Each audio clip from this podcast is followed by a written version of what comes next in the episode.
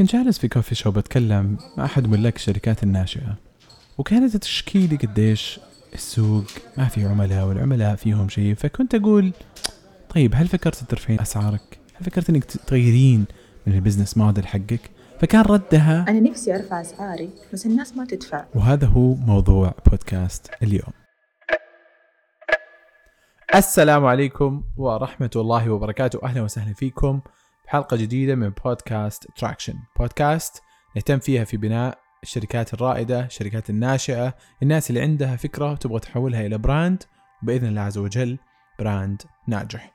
معكم أمير الباحوث the CEO of Yellow Tag شركة تتخصص في بناء الشركات الناشئة وإذا أنك ما تعرف ال term حقتها اسمها startup studio ال startup studio هو عبارة عن شركة متخصصة بأنها تاخذ أحد عنده فكرة إلى شركة في السوق وبإذن الله عز وجل تكون شركة ناجحة. حلقة اليوم نتكلم فيها عن آه، معضلة عقلية أكثر من كونها معضلة business ليش؟ لأنه في ناس كثير يبدأ في مشروعه أو يبدأ في ال brand حقه لكن عنده ال mindset أو عنده الفكر إن الناس ما تدفع.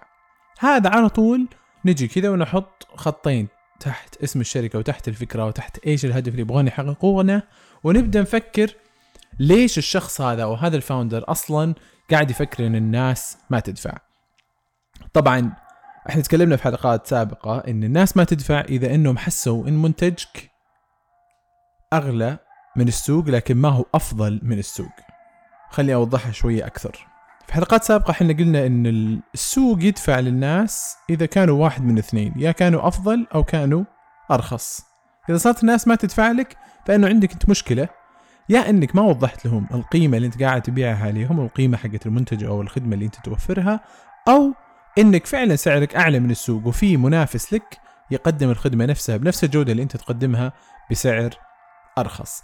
لذلك أول شيء دائما نفكر فيه في كتاب مرة خرافي اسمه Monetizing Innovation ممكن أحط لكم الرابط في ال description حقت الحلقة.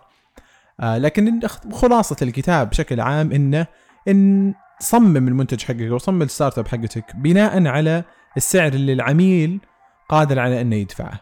في ناس كثير للأسف يدخلون للسوق بمنتجات العميل أصلا ما يبغى يشتريها. حتى لو كان المنتج أحسن من السوق وحتى لو كان المنتج خرافي وفي أحلى مواصفات وفي أحلى كل شيء ونشوفها كثير ترى في المطاعم يشتغلون على حاجة super super super high quality لكن للأسف العميل ما يبغى يدفع لها لأنه ما يشوف القيمة حقه الجودة صاحب ال brand آه اشتغل عليها. فهذه حلقة اليوم. طبعا في كم من نقطة ممكن ندخل فيها بتعمق بالنسبة لي ليش الناس ما تدفع. السوق بشكل عام يتغير والأسواق الناشئة والأسواق الراكدة والأسواق خلينا نقول المتساوية المتعادلة آه، لها تغيرات مع الوقت وهذه التغيرات يتغير فيها ال consumer behavior أو طريقة الشراء أو قوة الشراء حقت السوق.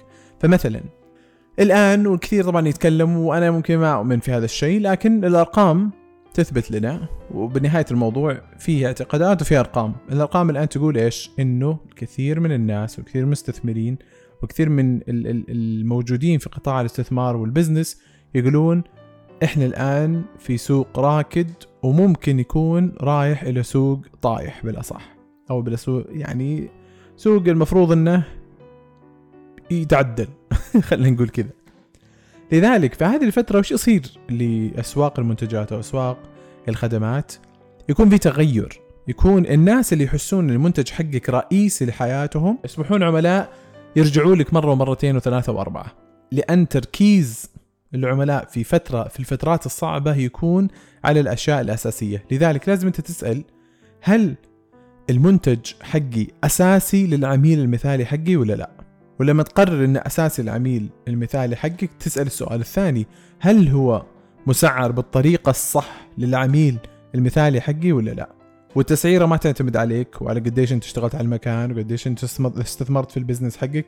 الأسعار غالبا وفي كل الأسواق يتم تحديدها من قبل منافسينك. منافسينك هم اللي يتحكمون في سعر السوق بشكل عام وهم اللي يحددون العملاء قادرين على يدفعون كم وغير قادرين على إنه يدفعون كم. لذلك دائما لما تدخل في التسعيرة أول شيء تسويه كمبتر اناليسيس تدخل وتشوف المنافسين حقينك في السوق كيف أسعارهم كيف العملاء يتعاملون مع هذه الأسعار. تدخل على جوجل تشوف والله ال reviews حقت العملاء حقينهم. هل في أحد يتكلم عن السعر؟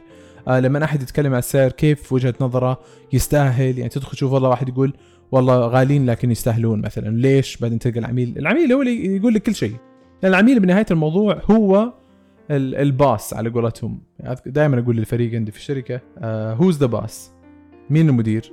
مو بناء ولا فلان ولا فلان. المدير العميل هو اللي يقرر هو اللي يدفع. أول شيء هو اللي يدفع رواتب كل الناس هو اللي يشغل ويدفع الأجار حق الشركات.